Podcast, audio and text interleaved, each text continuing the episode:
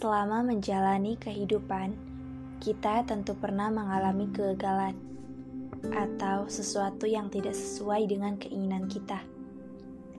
Kehidupan berjalan dengan berbagai masalah di dalamnya. Seringkali kita menyalahkan diri sendiri atas apa yang terjadi.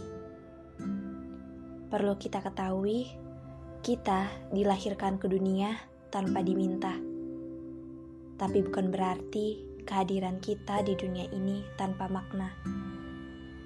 Tuhan sudah memberikan kelebihan kepada diri kita yang belum tentu semua orang punya.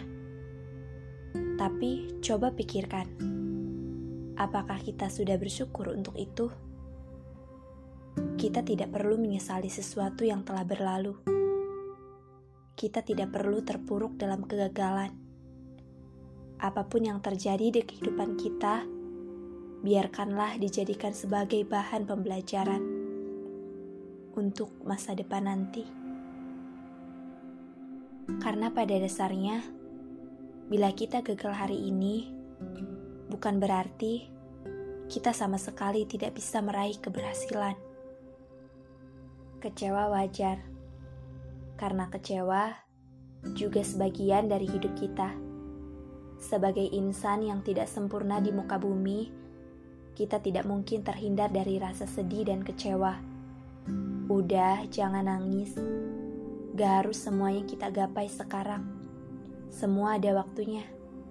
Semesta kadang suka bercanda, tapi Tuhan tahu apa yang terbaik untuk kita. Alur kehidupan setiap orang berbeda. Melihat orang lain bahagia dengan sesuatu yang tidak bisa kau miliki Ketahuilah, orang lain juga iri melihatmu bahagia dengan cara diri kamu sendiri.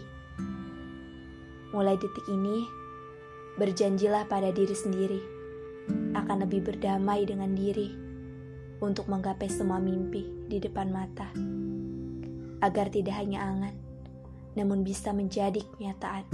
Semangat, kita pasti bisa kok.